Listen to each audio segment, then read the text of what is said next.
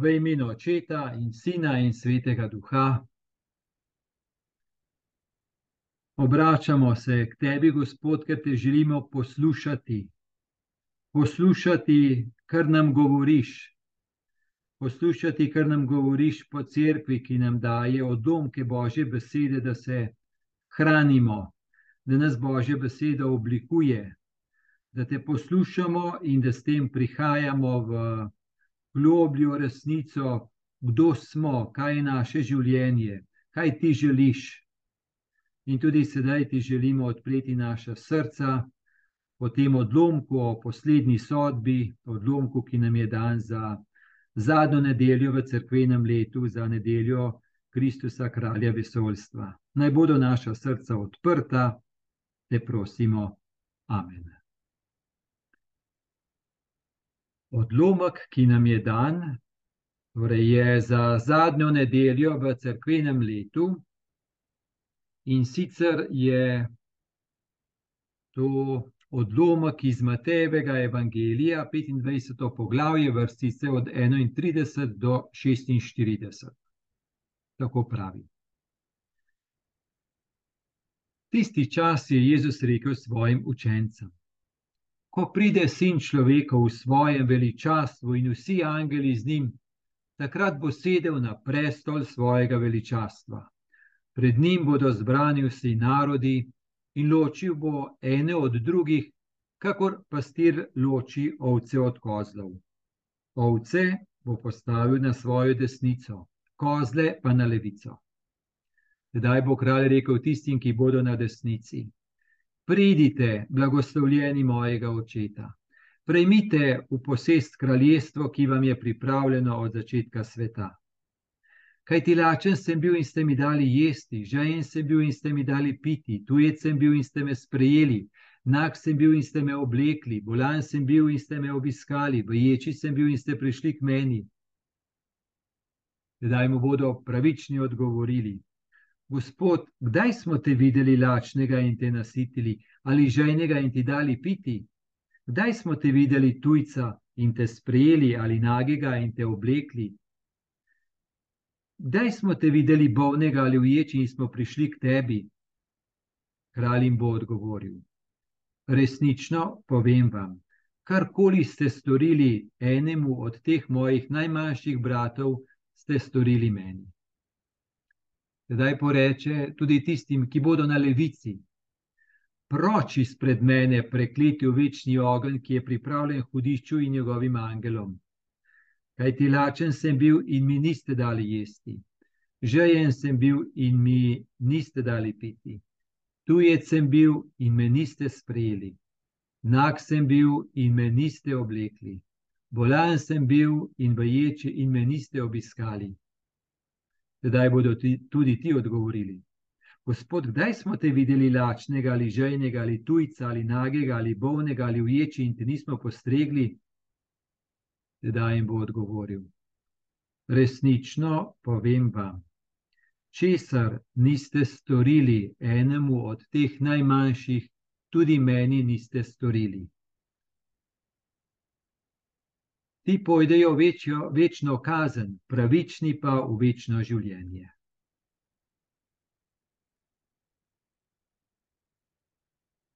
No, ta odlomek mi najdemo, če pogledamo v svetem pismu, ima naslov sodba ob koncu časov in ta odlomek najdemo, torej to je samo v Matejevem evangeliju, je ta odlomek.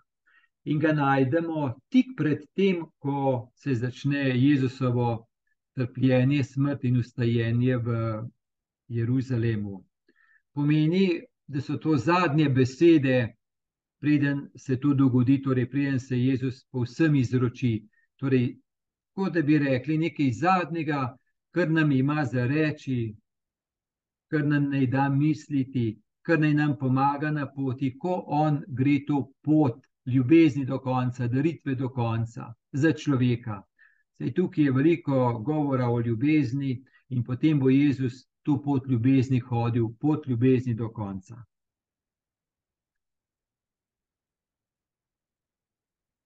Torej, prejšnjo nedeljo se spomnimo, je bila prilika o talentih, in je bilo tudi nekaj tega, torej, kateri so da, si dali opraviti s talenti, z darovi, kateri pa ne, kateri pa so ostali v eni pasivnosti. No, in tudi tukaj gre za eno tako držo aktivnosti, ljubezni ali pa držo ignoriranja ljubezni in bližnjega.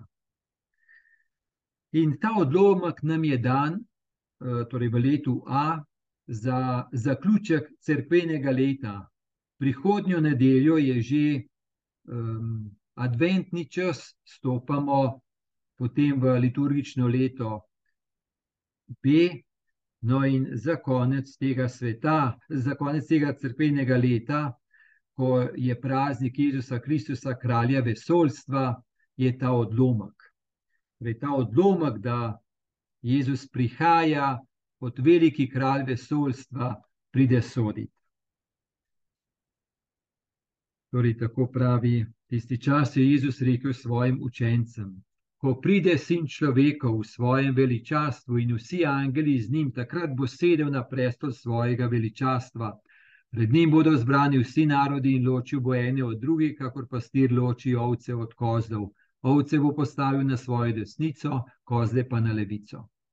Torej je jasno, da v tej podobi je ta sin človekov direktno poimenovan, niti ni podoba, prilika, ampak da tako je, torej da sin človekov, Jezus Kristus, Božji sin, da prihaja, pravi, zelo tako slovesno mi, mi mori, molimo tudi v veroizpovedi, molimo in bo spet prišel v slavi, soditi žive in mrtve in njegovemu kraljestvu ne bo konca. Torej, to je vera cerkve, da Kristus ob koncu časov pride in sodi. Božja ljubezen sodi, pred božjo ljubeznijo se dejansko mi sodimo, kje smo, na kateri strani smo, ali smo usmerjeni v to smer božje ljubezni ali pa ne. No, Jezus, podobo, ki jo uporablja, je podoba pastirja, ki loči ovce od kozlov. To je očitno bila ena taka praksa, so, so se lahko skupaj pasali, ali pa da so šli eni tako, drugi drugače. Um, je bila to ena taka domača praksa, poznana uh, v v vsakdanju njihova, njihovega življenja, obenem pa tudi v svetem pismu je ta podoba pastirja, ki ločuje ovce od kozlov, je kar poznana. No, spomnimo o tem, ko imamo to, da ločijo ovce od kozlov, bi rad spomnil ob tem, mi smo imeli nekaj tednov nazaj, no, že precej tednov. V Matejevem evangeliju eno priliko o nebeškem kraljestvu, o pšenici in ljulki, To je tisto, ne, ko raseta skupaj in so hoteli služabniki ljulko ven izdruvati, pa je gospodar rekel, ne, kar naj raste do konca, na koncu pa bomo ločili pšenico od ljulke. No, to je ena podobna dinamika, da je ta čas prišel, ta čas torej sodbe. Zdaj, sodbo ob koncu, mm, sodbo v tem smislu, sodbo po smrti, sodbo ob koncu časov. Mm, to imamo, to imamo v različnih verstvih, in je torej ena tako zelo globinska resnica, da se človek sreča z eno globinsko, celostno resnico, ki je resnica ljubezni. Torej, če imamo mi, smo navajeni na razne pravne sisteme, ki imajo svoje zakone, pa potem jim odgovarjamo ali ne, to je nekaj. Ampak da je pa onkraj pravnih sistemov, ki se tudi spreminjajo tekom, tekom zgodovine, je pa še nekaj globljega, prav res breku, to eno globino, kdo je človek, kako je narejen, kaj je globina človeka in kaj je ena globinska resnica, s katero bo človek soočen. Naj se tega zaveda ali pa ne, ujti pa ne more. Torej, človek prav gotovo lahko uide marsikakšnemu, um, bi rekel, človeškemu sodišču, pravnemu sistemu, kazenski zakonodaji, to lahko, ampak vendarle tudi nekako lahko človek uide pred samim seboj, ampak enkrat pa pride to soočanje. To je vera. Vera, da se to zgodi enkrat, to soočanje in da nobeden ne obeži. In gotovo to zahteva tudi nekaj ponižnosti. Ne? Človek, ko šaben človek bi rekel, pravni sistem v redu, ga spoštujem, pa da me ne kaznuje. Onkraj tega mi pa nobeden nima nobene pravice ničesar očitati. Moj življenje je moj življenje in ga bom živel, kot se meni zdi. Bom že pazil na pravem sistemu, ostalo je pa konec. No, je, človek je vendarle je pripet ne, na, na Boga in od njega, od darovalca, od stvarnika, od rešenika, bo se soočen z resnico.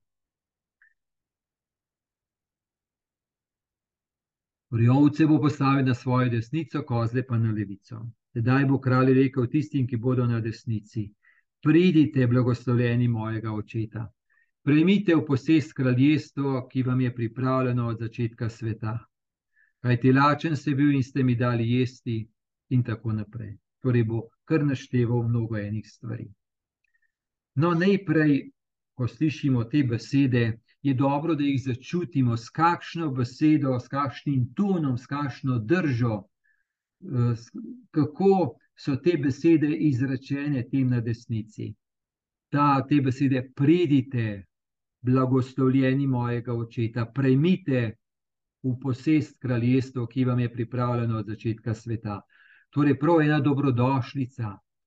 Torej, Bog, ki čaka, Gospod, ki čaka, ki vabi, ki ponuja, ki reče: To je pripravljeno od začetka sveta, nebeško kraljestvo, božje kraljestvo. In Matejev evangelij ima ogromno odlomkov o nebeškem kraljestvu. No, in tukaj bo potem v tej priliki tudi povedano pot nebeškega kraljestva. Katera je ta pot? Torej, ne nebeško kraljestvo, ki bi se še lepo enkrat po smrti zgodilo, ampak je tukaj nekako tako, da je nebeško kraljestvo, da, je, da so ga teži tukaj živeli in bo potem ob sodbi še dopolnjeno, oziroma bi rekli dopolnjeno in potrjeno, definitivno, dokončno za večno. Ampak so vsi te božje kraljestvo že živeli, torej že v tem svetu. In um, kot bomo naprej vidimo, tedaj mu bodo pravični odgovorili: Gospod, kdaj smo te videli lačnega in te nasitili, in tako naprej. Torej, kaj to pomeni? Te, ki so na desnici, ki so slišali, pridite, blagoslovljeni mojega očeta, in lačen ste bil in ste mi dali jesti.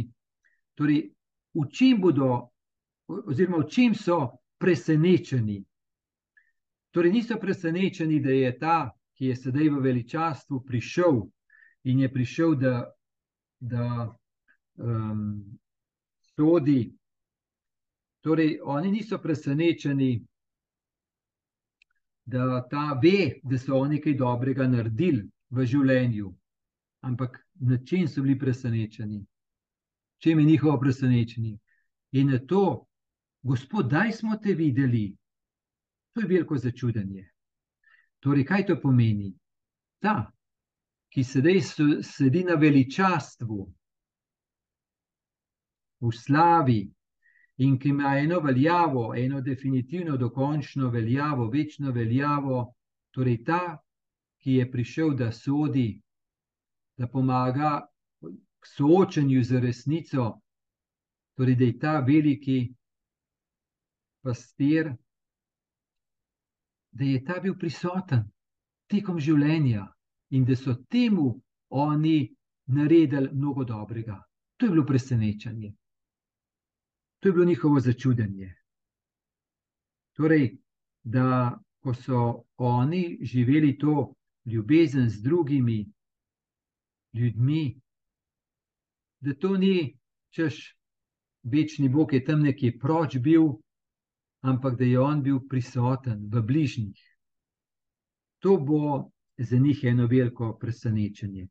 Pravi tako, da kralj jim bo odgovoril: Resnično povem vam, karkoli ste storili enemu od teh mojih najmanjših bratov, ste meni storili. Torej, to, on, veliki pastir, veliki sodnik, ta sedaj pravi, da je bil prisoten v najmanjših. In to je res nekaj skrivnostnega, nekaj takega, kar je prav, da nas, da nas nekako presune, kako je Bog prisoten. Zato, ker verovati v enega Boga ne bo še tako močen, tam nekje, daleč onkraj, to je nekaj. Ampak verovati v Boga, Jezusa, Kristusa, blizu, prisotnega, tukaj, zdaj, v meni, v bližnjem, to pa je krščanstvo. In to je pa še ena druga vera, v smislu druga vera, da je to krščanska vera, no, v tem smislu, da je Bog tako blizu. Torej, jasno, Bog je prisoten v cerkvi, v zakramentih, v molitvi, v tabernaklu, jasno, ampak da je Bog prisoten v bližnjem in med nami, v gesti ljubezni, no, to je pa še en drug nivo. Da se ne more tako ločiti, češ Bog je tam nekje, mi smo pa tukaj nekje in po svoje urejamo stvari. Ne tukaj, zdaj med nami je vprašanje Božjega kraljestva, kam gre moje življenje, kam gre.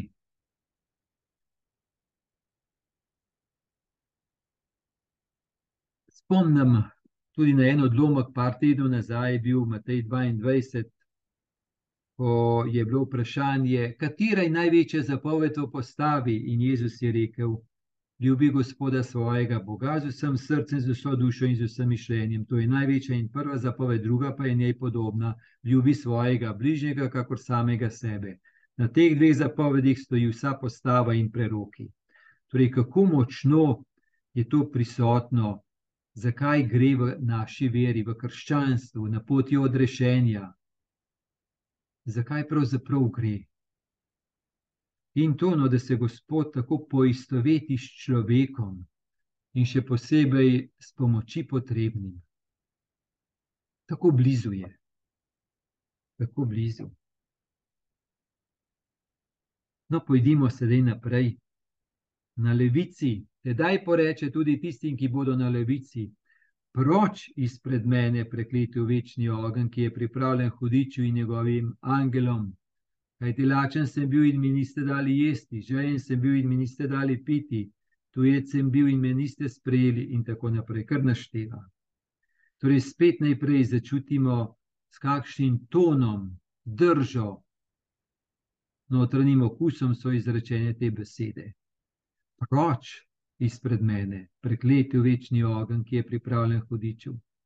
Torej, ljubezen, Božji sin, torej sin človekov, um, ki sodi na prestolu svojega veličastva, kralj vesoljstva, ljubezen, ki vlada in torej, da je to kraljestvo namenjeno, ampak to, da ga pa človek lahko zavrne, pa drugače živi, to pa.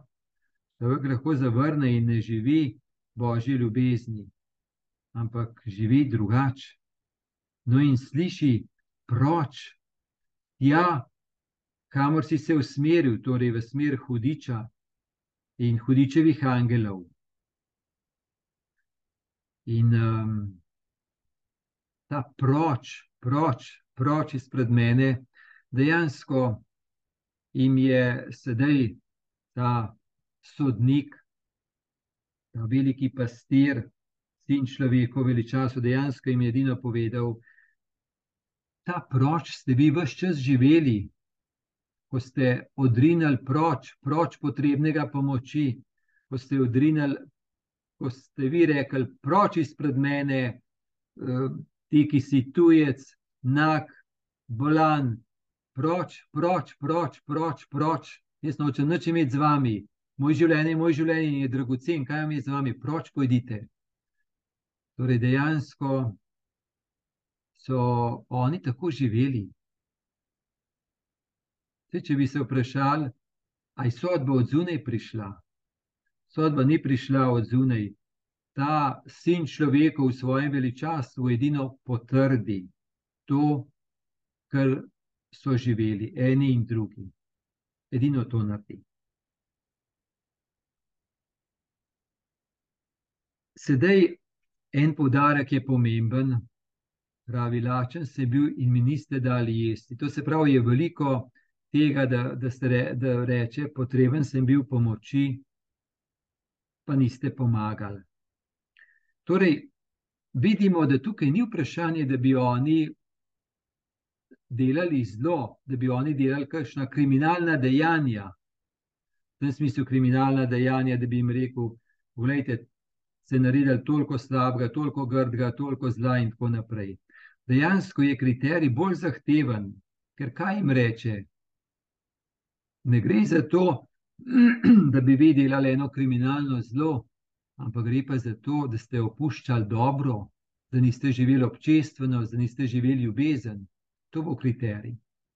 Se ločimo, kaj to pomeni, pa če si delal kriminalno zlo dejanje, ampak tukaj pravi to, če niste delali dobro bližnjim, torej tam niste živeli ljubezen.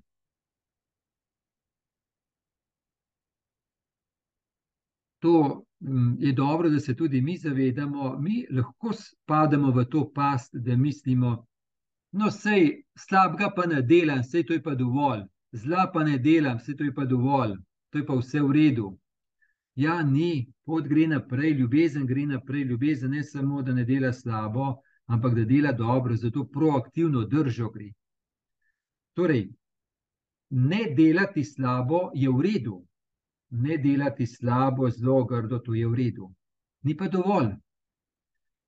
Ker ne delati dobro, to pa ni v redu, to, to še torej, ni v redu. Ne? Torej, da ne delamo slabo, pa grdo, v redu. Ne? Ampak vendarle pot gre naprej, v delati dobro. Torej, um, to lahko rečemo, da je to vprašanje opustitve, da lahko kaj opustimo. In um,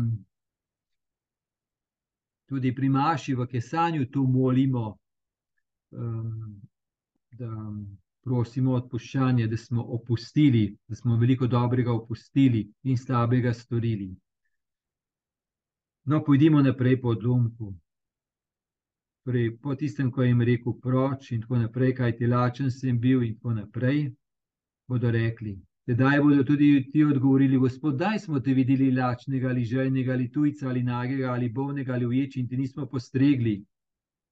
To se pravi, oni se ne čudijo temu, da bi rekli, Ja, ni res, ni res, ni res to, kar nam govoriš, v smislu, da, da, da, da nismo dobrega delali. To nekako priznajo, ampak to jim ne gre v račun. Čakaj, ti, veličastni kralj, ki prideš v svojem veličastvu, v tem slovesu, da ti praviš, da si ti bil prisoten, da smo te srečali. Če bi tebe srečali, bi kdo drugače ravnal. Ampak vse te nismo srečali v življenju, tebe, ki ne zdaj sodiš. Vse te nismo srečali. No, to je bilo presenečenje. Kdaj smo te vendar srečali? Tedaj jim bo odgovoril: Resnično povem vam, česar niste storili enemu od teh mojih, od teh najmanjših, tudi meni niste, niste storili. Torej, to je to. Ponovno, podobno kot prej, isto začudenje, kje so začudeni, in pa kako se Bog poistoveti, kako se Gospod poistoveti z najmanjšimi, s potrebnimi pomoči. In da je to tako.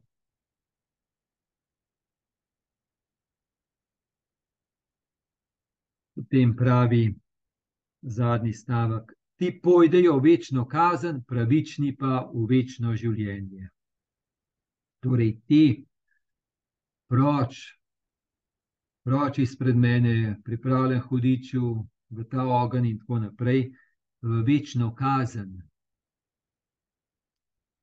pravični pa v večno življenje. Gotovo tukaj zdaj pomislimo, no, torej, nekje je pakov, nekje je to. Um, kako gre to v skladu da Jezus da potem življenje za vse.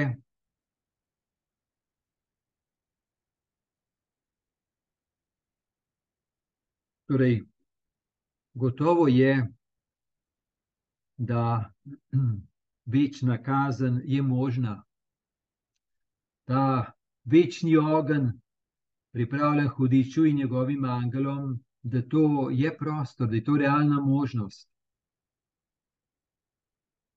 Prav gotovo. Dejansko nam je dan odlomek za to, da bi nam močno v tem življenju, zdaj, v sedanjosti, pomagal. Mislim, da ni zdaj najbolj tako, da bi rekli, to je najbolj, hm, rekel tak, očiten opis sodbe ob koncu časov in posledično potem večnega življenja in večne kazni. Ker kot celota svetega pisma, kaj vse je še v novi zavezi, v zvezi s tem, je mnogo bolj bogato kot samo ta odlomek. Torej, prav gotovo pa možnost, realna možnost, da človek absolutno zapravi svojo eksistenco. Tudi definitivno, gotovo je ta, ta možnost, je to pa. Zdaj pa, kaj se še vse dogodi, eno tako srečanje, pa po smrti, to je pa tudi ena velika skrivnost. Tako da, če bi se mi spuščali v ene spekulacije, v ene razmišljanja, češ, kdo je v peklu, kdo je s hudičem v peklu, v večnem ognju, in tako naprej, to je res vprašanje, da ne gremo z eno našo človeško radovednostjo preveč naprej. Torej, vsa crkva s svojim učiteljstvom v vseh stoletjih obstoja za eno človeško bitje, ni rekla, da bi rekla crkva, ta je pa prav gotovo v peklu. Da so nekateri v nebesih, prav gotovo za tem stoji crkva. To, da bi pa za kogarkoli rekla, ta je v peklu, to pa ne. Pustimo privatna razodetja, ki imajo svojo veljavo, ampak govorimo pa o enem takem stališču crkve kot celote, da bi upala reči, da je v peklu. Ampak vendarle, da je to prepuščeno božji skrivnosti, božji ljubezni, božjem usmiljenju, božjem odpuščanju. Kaj se pa lahko naredi v enem skrivnostnem tem globinah odnosa med srcem in Bogom, ob smrti, po smrti. To je pa gotovo še eno, ena dinamika, ki jo ne moramo mi z našim razumom uh, nekako zaobjeti, in, in nima smisla. Torej, bolj kot to, da bi mi, zdaj šli v take te špekulacije, torej ta odlomek, zakaj nam je dan? Dan nam je zato prvič, da bi lahko začutili, da gre za zdaj, za sedanjost, za bližnjega, za ta odnos, kjer smo, da nam bi to zdaj pomagali ker se zdaj odloča, kam gremo, kam gre naše življenje. Torej, ali gre v smer ljubezni, občestvenosti, bližnjega odnosa, ali gre v to smer, ali pa človek ostaja zaprt vase, v skrbljenosti zase, v reševanje samega sebe, pa svojega življenja. Torej, ta sodnik, ki sodi, To ni nekdo, ki bi odzunaj prišel pa nekaj sodel. On dejansko samo potrdi, reče: Ja, tako ste živeli in to zdaj ostane za vselej. To je zdaj potrjeno, definitivno. Za ene ali pa za druge. Torej, kdo se sodi, torej, oziroma kdo sodi, sodnik ali nekako se sami sodimo. Se pa sodimo pred večno ljubeznijo, torej pred eno skrivnostjo večnega obstoja, to, kar za vse le ostane. Marsikaj je krhkega in stvarstvo, večna ljubezen pa ostane. In um, to je pomembno, da ne bi na ta način mi interpretirali te prilike, da bi rekli, dobra dela delamo, da si potem prislužimo božjo ljubezen. Če pa dobrih del ne delamo, pa si pa ne prislužimo božje ljubezni če vzamemo skupaj celoto svetega pisma, Evangelija, je bolj to, torej ne tako. Delam dobro delo, zato da si prislužim božjo ljubezen, ampak v moči božje ljubezni lahko do, dobro delo delam. božja moč, božja ljubezen je potrebna, da lahko dobro delo delam.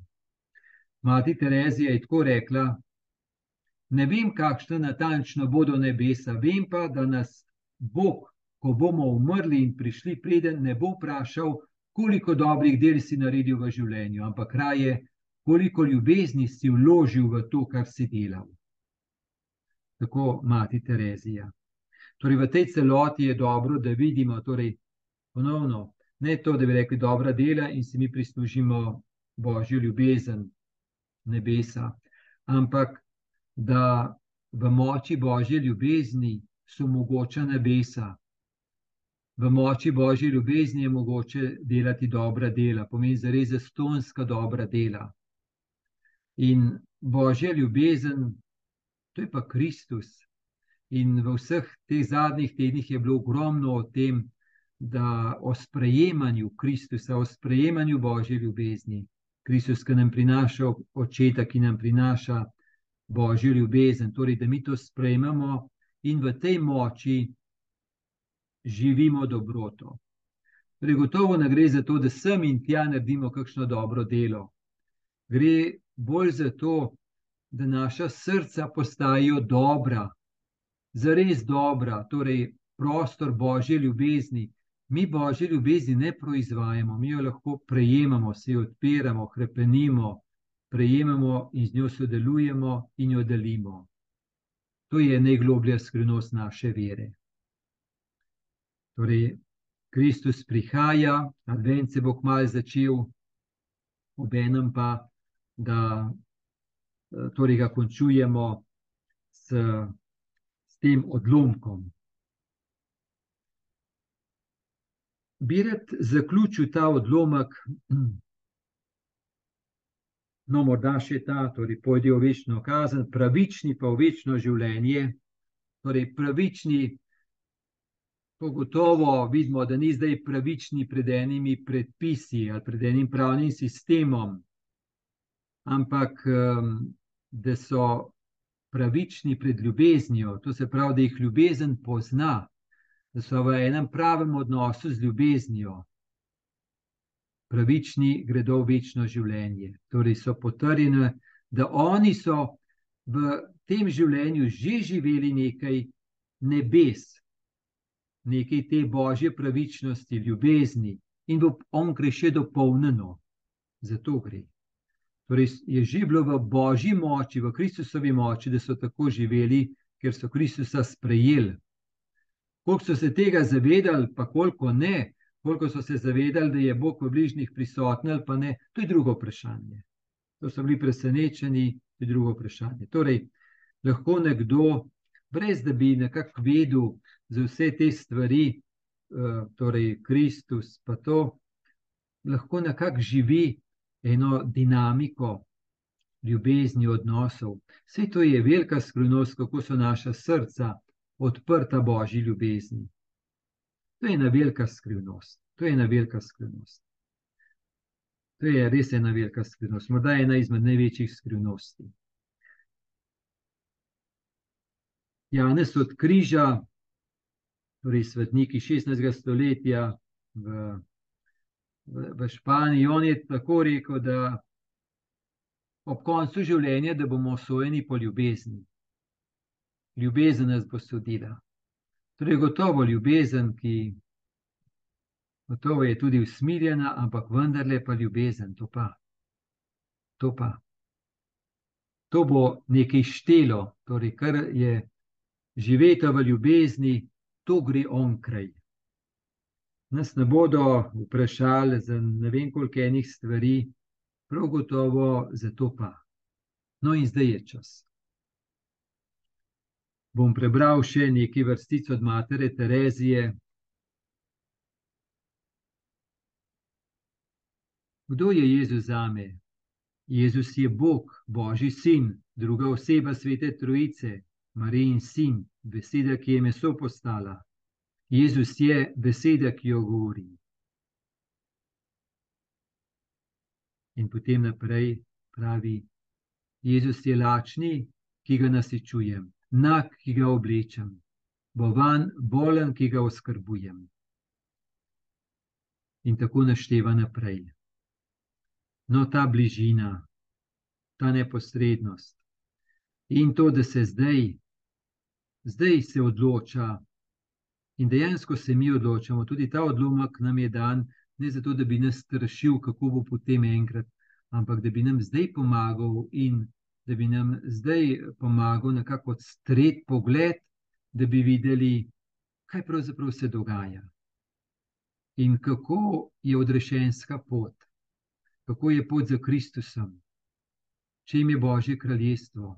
No, in da je v tej občestvenosti, v povezanosti, v odnosih, zato gre. Na poti smo. Naj vas vse spremlja Božji blagoslov, blagoslov Boga Očeta in Sina in Svetega Duha. Amen.